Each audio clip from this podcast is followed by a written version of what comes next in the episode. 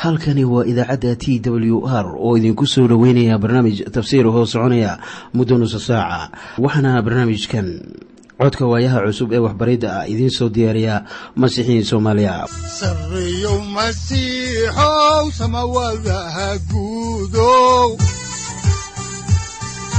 siraadkii adduunkow subanaha eebow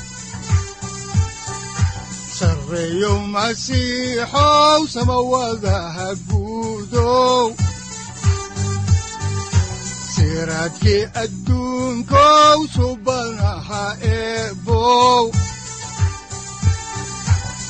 adigoo samaada jiro ifkan soo saldhiganba adigoo samaada jiro ifkan soo saldhiganba kutubtiisanaye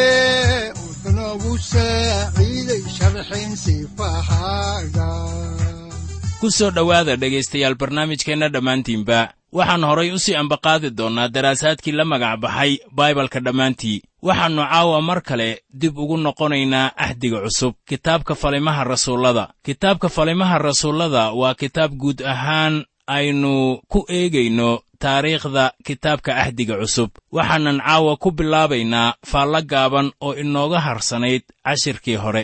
Waxaanan kaga gudbi doonnaa cutubka labaad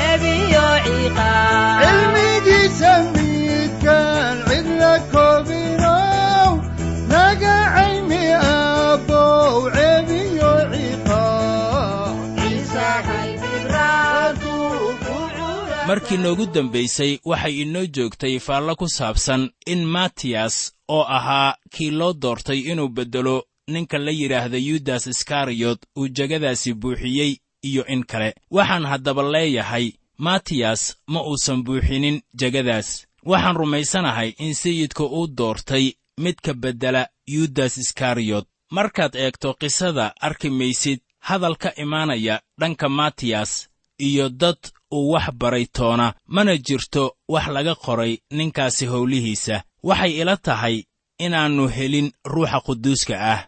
Haddaba waxaan idinku leeyahay anigu waxaan aaminsanahay ninkii rabbigu jegadaasi uu u doortay inuu ahaa rasuul bawlos waxaa markaasi suuragal ah inaad igu tidhaahdaan caddayn miyaad u haysaa xaalkaasi aad sheegayso.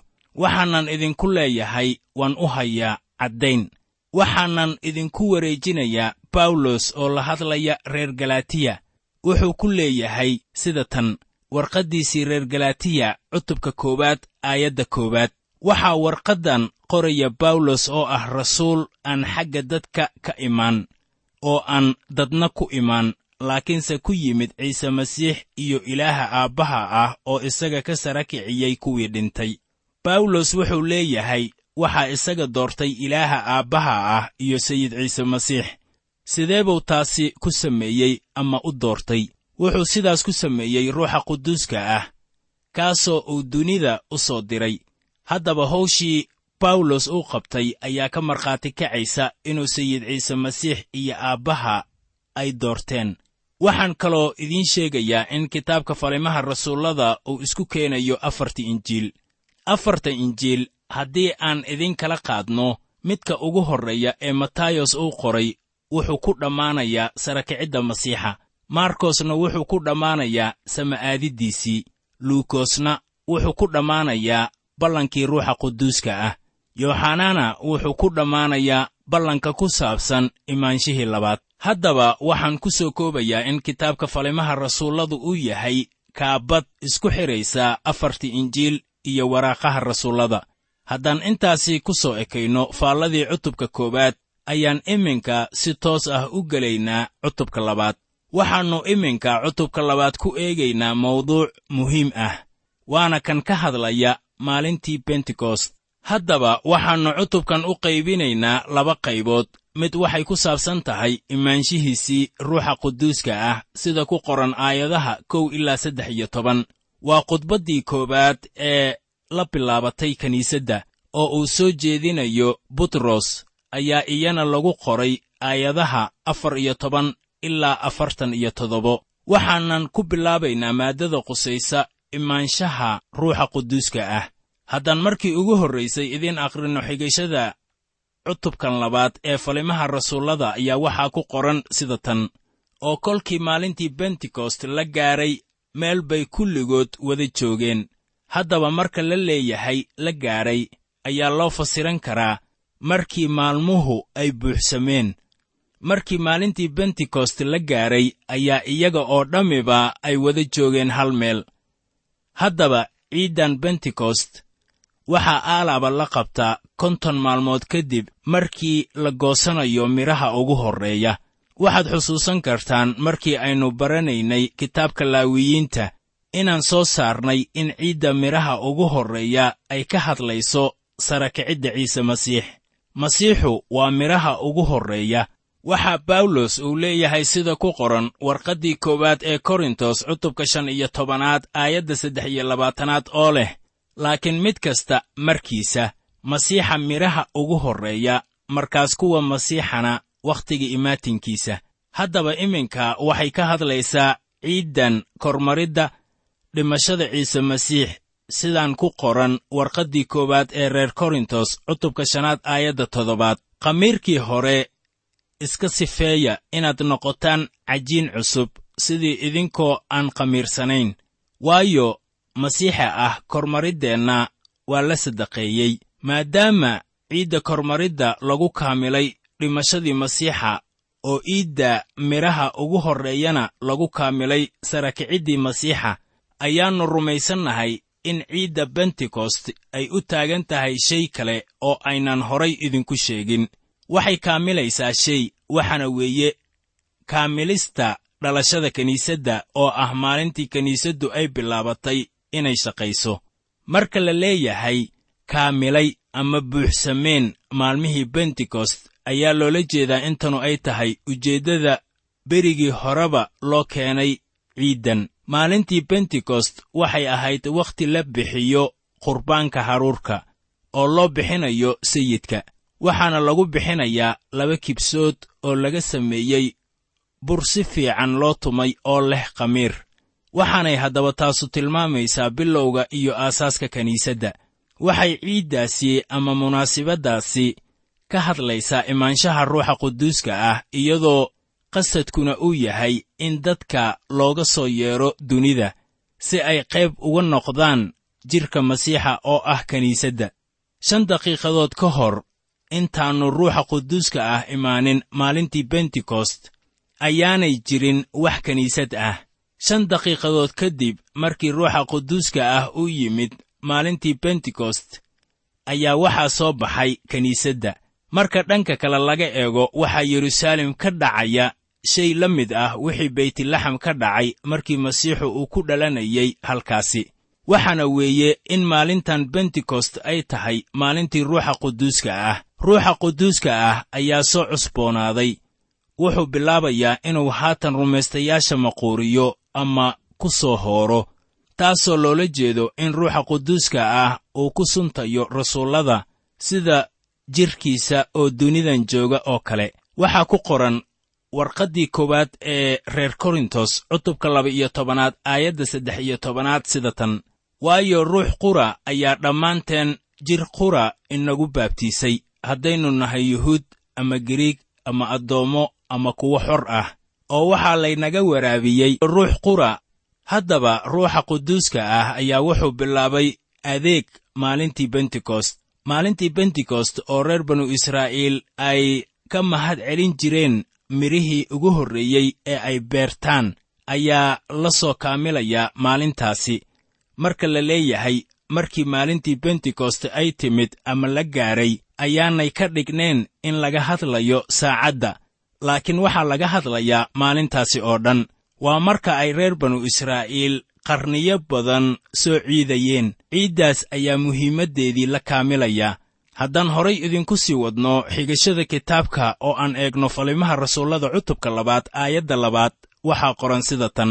Oo waxaa filanla'aan samada ka yimid sanqadh sida dabayl xoog leh oo aad u dhacaysa oo waxa ay buuxisay gurigii ay fadhiyeen oo dhan. Iminka aan dareenkiinna u weeciyo shay muhiim ah. Markii ruuxa quduuska ah uu yimid ma ahayn mid muuqda. Haddaba xaadirnimada ruuxa quduuska ah laba siyaabood baa loo muujiyey. Waxaa jira laba siyaabood ee dadku ay wararka ku helaan. Mid waa ilinka dhegaha iyo kan indhaha oo aan ka wado aragga iyo maqalka. Ruuxa quduuska ah wuxuu isticmaalay labadaas ilin dheguhu waxay maqleen sanqar xagga sare ka timaada sida sanqar xiin dabayleed leh. Sanqadhan ayaa buuxisay gurigii oo dhan halkaasoo ay fadhiyeen hase yeeshee waa inaad ogaataa in sanqadhaasu ayan dabeel ahayn taasoo geedaha ruxaysa. Waxay u muuqataa inuu ahaa duufaan dab wata. Waxaanan rumaysanahay in yeruusaalem oo dhan laga maqlay. Saaxib waxaa gurigii soo galay sanqar weyn waana tii ay maqleen maalintii bentekost haddaan eegno aayadda saddexaad ee kitaabka falimaha rasuullada ayaa waxaa qoran markaasaa carrabbo u kala qaybsamaya sida deb oo kale iyaga u muuqday oo ku dul fadhiistay midkood kasta. Mar kale ayaan haddana dareenkiinna u soo jeedinayaa xaalka kor laynoogu sheegay. Haddaba carrabbadaasu waxay ahaayeen sida dab oo kale balse dab ma ahayn wayse u ekaayeen. Aayaddan si kaloo hagaagsan baa loo fasiri karaa oo waxaa la odhan karaa oo waxaa u muuqday carrabbo u kala qaybsamaya taasina waxay noqonaysaa carrabbo sida dab oo kale ah oo way ku soo duldegeen taasina waxay noqonaysaa carrabbo sida dab oo kale ah oo way ku soo duldegeen taasina waxay soo jiidanaysaa ama arkaya indhaha. Markaana maalintaas bentekost markii ruuxa quduuska ah uu yimid kiniisadda markaasoo uu ku maquuriyey rasuullada isagoo ku daraya jidhkii masiixa ayaa waxaa dhacay soo jiidasho dhegta iyo indhahaba ah. Haddaba ma ahan inaad ku wareertaan maquuriska dabka ah. Haddaba maquuriska dabka ah waa kan cadaabta ee ah xukunka imaanaya. Kitaabka muujintii ayaannu ku arkaynaa caradii ilaah oo laga muujiyey samada oo ah dab samada ka imaanaya. Waxaana taasi oo kale loo yaqaannaa dabka haddii qofku aannu lahayn ama haysanin maquuriska ruuxa quduuska ah wuxuu qofkaasu helayaa maquuriska dabka ah oo ah xukunka imaanaya. Maquuriska dabka ah waxaa helaya kuwa diida masiixa. Haddaba dabkan lagu sheegay kitaabka falimaha rasuullada haddii aad u dhabba gasho waxa weeye carrabbo sida dab oo kale ah laakiin ma ahan dab. Dabku waa midka imaanaya wakhtiga kama dambaysta ah kaasoo ilaah uu u qorshaystay kuwa ka soo hor jeesta qoolkiisa haddaba markii ruuxa quduuska ahi uu yimid maalintii bentekost waxay arkeen shay la mid ah ama u eg sida dab oo kale. Haddaan horay ugu sii soconno aayaddaasi ayaannu eegaynaa kitaabka falimaha rasuullada cutubka labaad aayadda afaraad. Waxaana qoran sida tan. Kolkaasaa waxaa kulligood ka wada buuxsamay ruuxa quduuska ah oo waxay bilaabeen inay afaf kale ku hadlaan sidii ruuxu uu iyaga u siiyey hadalka. Aayaddan waxay leedahay waxaa laga buuxiyey rasuullada ruuxa quduuska ah. Qof baase laga yaabaa inuu isweyddiiyo oo wadaadku wuxuu lahaa ruuxa quduuska ah ayaa lagu maquuriyey. Waa maxay laga buuxiyey marka la leeyahay? Miyaa haddaba la baabtiisay? Ayaa su'aashu ay noqonaysaa waxaanan leeyahay haa waa la baabtiisay. Ciise masiix ayaa u sheegay taas haddaan idinku celiyo wixii u yidhi ayaannu mar kale fiirinaynaa cutubka koowaad aayadaha afar ilaa shan. Waxaana qoran sida tan oo intuu iyagii la shiray ayuu wuxuu kula dardaarmay uu ku yidhi yeruusaalem ha ka tegina laakiinse suga ballankii aabbaha oo aad iga maqasheen. Waayo runtii yooxanaa wuxuu dadka ku baabtiisay biyo laakiinse waxaa laydinku baabtiisi doonaa ruuxa quduuska ah. Maalmo aan badnayn dabadood marka la leeyahay waxaa ka buuxsamay ruuxa quduuska ah ayay taasu muujinaysaa in adeegyada kale ee ruuxa quduuska ahi uu u hayo rumaystayaasha qarnigaas la wada sameeyey. Waxaa loo sameeyey hannaankan waxaana weeye inay dib u dhasheen ama loo cusboonaysiiyey. Haddaan idin yaro fasirno ayaa la doonayaa kow in qofku uu mar kala dhasho oo ciise qudhiisa ayaa leh sida ku qoran injiilka sida yooxanaa uu u qoray cutubka saddexaad aayadda shanaad sida tan. Runtii runtii waxaan idinku leeyahay haddaannu qofka mar kale ka dhalan biyo iyo ruuxa boqortooyadii ilaah geli maayo. Tan labaad waxaa hareeyey ruuxa ilaah. Waxaa haddaba ku qoran warqaddii rasuul bawlos uu u qoray dadka reer rooma cutubka siddeedaad aayadda sagaalaad ee baalka laba boqol toddoba iyo toddobaatan ee axdiga cusub sida tan. Laakiin idinku kuma aad dhex jirtaan jidhka ilowse waxaad ku dhex jirtaan ruuxa. Haddii ruuxa ilaah uu idinku dhex jiro laakiin nin hadduusan ruuxa masiixa lahayn dee kaasu kiisii ma aha. Marka saddexaadna waxaa lagu suntay ama lagu shaabadeeyey ruuxa quduuska ah oo leh xidhiir daa'im ah oo uu ilaah la leeyahay waxaa ku qoran warqaddii rasuul bawlos uu u qoray dadka efesos baalka saddex boqol toddoba iyo soddon ee axdiga cusub cutubka koowaad aayadaha saddex iyo toban ilaa afar iyo toban. Sida tan oo weliba idinku isagaad ku maqasheen hadalka runta ah kaas oo ah injiilka nabaaddiinnada. Oo weliba idinku markii aad rumaysateen ayaa laydinku shaabadeeyey ruuxa quduuska ah oo uu ballan qaaday oo ah carbuuntii dhaxalkeenna xagga furashada hantida ilaah in la ammaano cisadiisa isla warqaddan loo qoray reer efesos ayaa waxay leedahay sida ku qoran cutubka afaraad aayadda soddonaad sida tan. Ha calool xumaynina ruuxa quduuska ah oo ilaah oo laydinku shaabadeeyey maalinta madax furashada. Waa suuragal in la calool xumeeyo ruuxa quduuska ah laakiin suuragal ma ahan in layska fogeeyo waayo waxaa lagu shaabadeeyey rumaystayaasha ilaa maalinta madax furashada. Haddaba shaabadaynta waxaa sameeya ilaah. Kadib marka qofku uu rumaysto rumaysadka masiixa ayaa ina siinaya ama inagu shaabadaynaya ruuxa quduuska ah ilaa maalinta madax furashada. Markii afraadna waxaa iyaga maquuriyey ruuxa quduuska ah waxaana tan horay u saadaaliyey yooxanaa baabtiisaha markuu lahaa sida ku qoran injiilka sida luukas uu u qoray cutubka saddexaad aayadda lix iyo tobanaad oo leh oo yooxanaa baa u jawaabay kulligood oo ku yidhi anigu waxaan idinku baabtiisaa biyo laakiin waxaa imaanaya ku iga itaal weyn. Kan aanan istaahilin inaan yeelmihii kabihiisa furo isagu wuxuu idinku baabtiisi doonaa ruuxa quduuska ah iyo dab. Ciise oo taasi daba jooga ayaa isaguna wuxuu leeyahay waayo runtii yooxanaa wuxuu dadka ku baabtiisay biyo laakiinse waxaa laydinku baabtiisi doonaa ruuxa quduuska ah maalmo aan badnayn dabadood.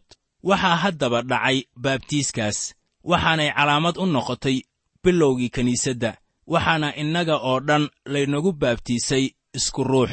Haddaba in laga buuxiyey ruuxa quduuska ah ayaa ka dhigan in sidaa loo yeelay howlaha sugaya aawadood markii aynu howl u qabanayno sayidka waxaa qasab ah in ruuxa laynaga buuxiyo.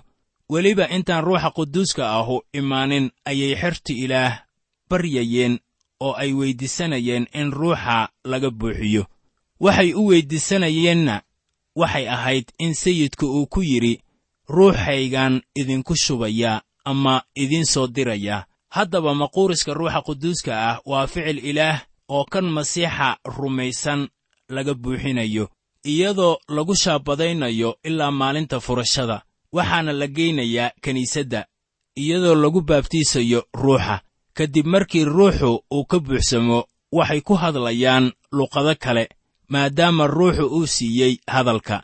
Haddaba waa inaan ka dheeraanno inaynan abuurin wax u dhigmi kara maalintaasi bentekost oo ruuxa quduuska ahuna wuxuu yimid maalintaasi oo kale markaa ha odhanina ruuxa quduuska ah qasab ha inoogu yimaado. Ruuxa quduuska ah duniduu joogaa maanta. Ciise ayaa inoo sheegaya waxa uu samaynayo marka ruuxa quduuska ahi uu yimaado. Waxaanan taasi ka akhri karnaa injiilka sida yooxanaa uu u qoray cutubka lix iyo tobanaad aayadda afar iyo tobanaad oo odhanaysa wuu i ammaani doonaa waayo waxayguu qaadi doonaa wuuna idiin sheegi doonaa. Haddaba markaan ka hadlayno waxyaalaha masiixa ayaa ruuxa ilaah uu inoo hayaa howl uu inaga dhex samaynayo maadaama ruuxu uu siiyey iyaga hadalka. Innaguna sidaas oo kale ayaannu noqonaynaa. Haddaanse horay idinku sii wadno kitaabka falimaha rasuullada cutubka labaad aayadda shanaad waxaa qoran sida tan. Markaasaa waxaa yeruusaalem joogay yuhuud oo ahaayeen niman cibaado leh oo ka yimid quruun kasta oo samada hoosteeda joogta. Waxay haddaba dadkii isugu yimid ahaayeen yuhuud quruumo badan ka kala yimid iyadoo ay ugu wacan tahay munaasabaddaasi bentekost oo ahayd kol hore munaasabad loo ciido midhaha ugu horreeya. Sababtaas ayay haddaba u joogaan yeruusaalem dadkaasi tirada badan. Haddaan horay idinku sii wadno xigashada kitaabka oo aan eegno kitaabka falimaha rasuullada cutubka labaad aayadda lixaad waxaa qoran sida tan. Oo markii sanqadhaasi la maqlay dadkii badnaa ayaa isu yimid wayna yaabeen maxaa yeelay nin kastaa wuxuu maqlay iyagoo afkiisa ku hadlaya.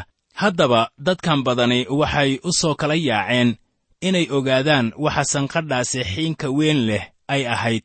Haddaba codkii laga maqlay yeruusaalem wuxuu la mid ahaa sida codadka diyaaradaha wuxuuna ahaa mid aan horay loo maqal waayo qarnigaas diyaarad ma jirine. Dadkii badnaana way soo ordeen iyagoo ku soo socday dhankii ay codka ka maqleen oo ka imaanayay dhanka macbudka.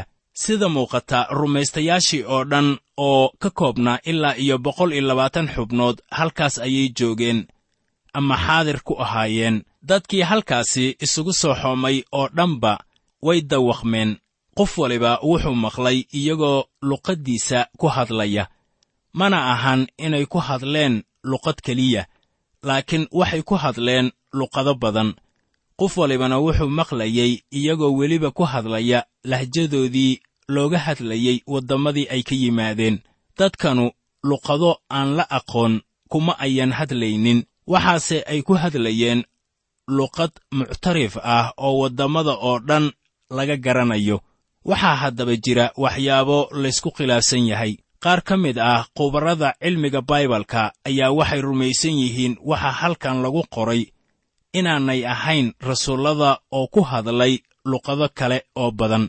Rasuullada bay leeyihiin waxay ku hadleen luqaddoodii iyo lahjadoodii.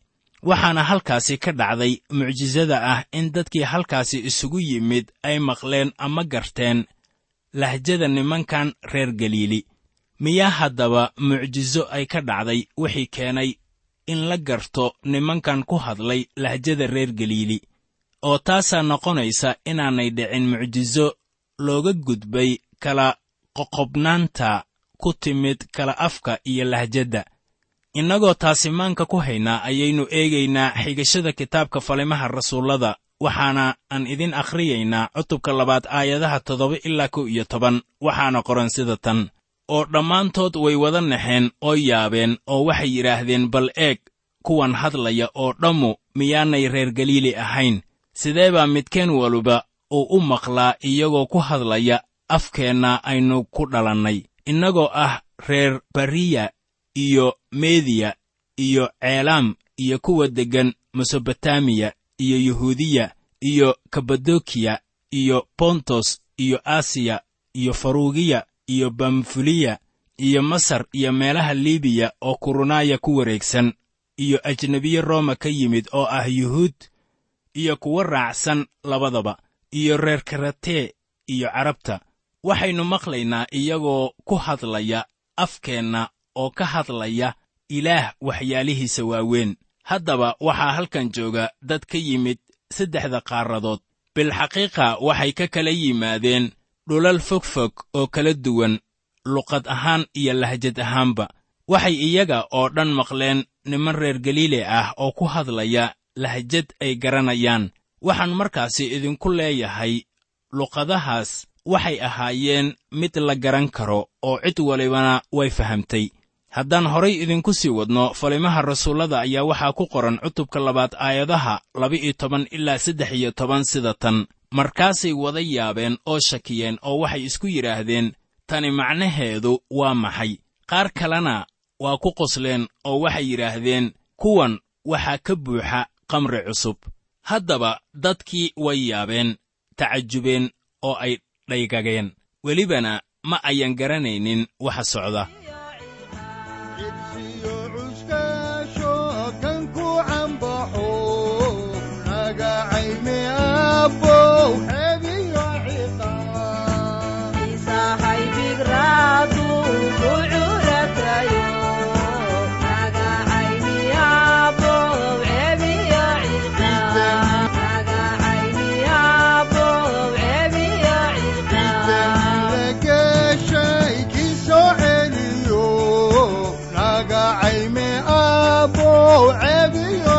cebiyo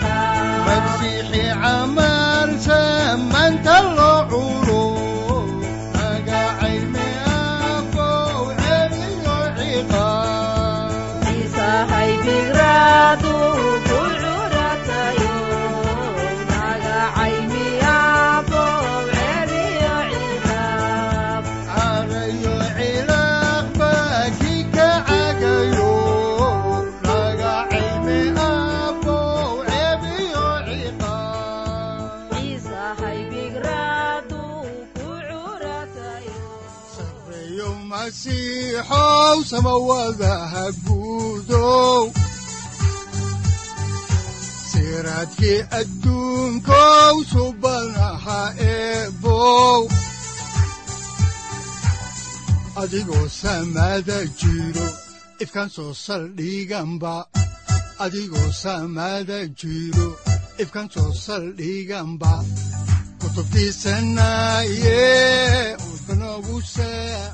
halkani waa t w r idaacadda t w r oo idinku leh ilaa ha idin barakeeyo oo ha idinku anfaco wixii aad caawi ka maqasheen barnaamijka. Waxaa barnaamijkan oo kalea aad ka maqli doontaan habeen dambe hadahan oo kale haddiise aad doonaysaan in aad fikirkiina ka dhiibataan wixii aad caawi maqasheen ayaad nagala soo xiriiri kartaan som t w r at t w r c o k e. Haddii aad doonaysaan in aad dejiisataan oo kaydsataan barnaamijka ama aad mar kale dhegaysataan fadlan mar kale booqo www t w r o r g. Amase www t t b t w r o r g. Amase waxaad teleefoonkaaga ku kaydsataa ama ku download garaysataa agabyada ku sahli karaa dhegeysiga t w r haddii aad doonayso in laga kaalmeeyo dhinacyada fahamka kitaabka amase aad u baahan tahay duco fadlan fariimahaaga soo mari bogga aaraahda ama kommentska inana jawaab degdeg ah ayaanu ku soo diri doonaa amase ku siin doonaaye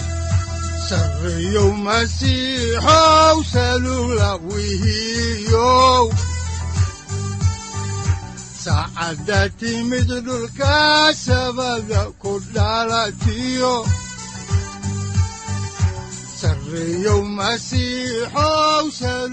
halkani waa t w r oo idiin rajaynaya habeen baraare iyo barwaaqaba leh inta aynu ka gaari doono wakhti aynu ku kulanno barnaamij la mida kan caawayay aad maqasheen waxa aan idinku leeyahay nabadda ciise masiix ha idinku badato xagga jidhka iyo ruuxaba aamiin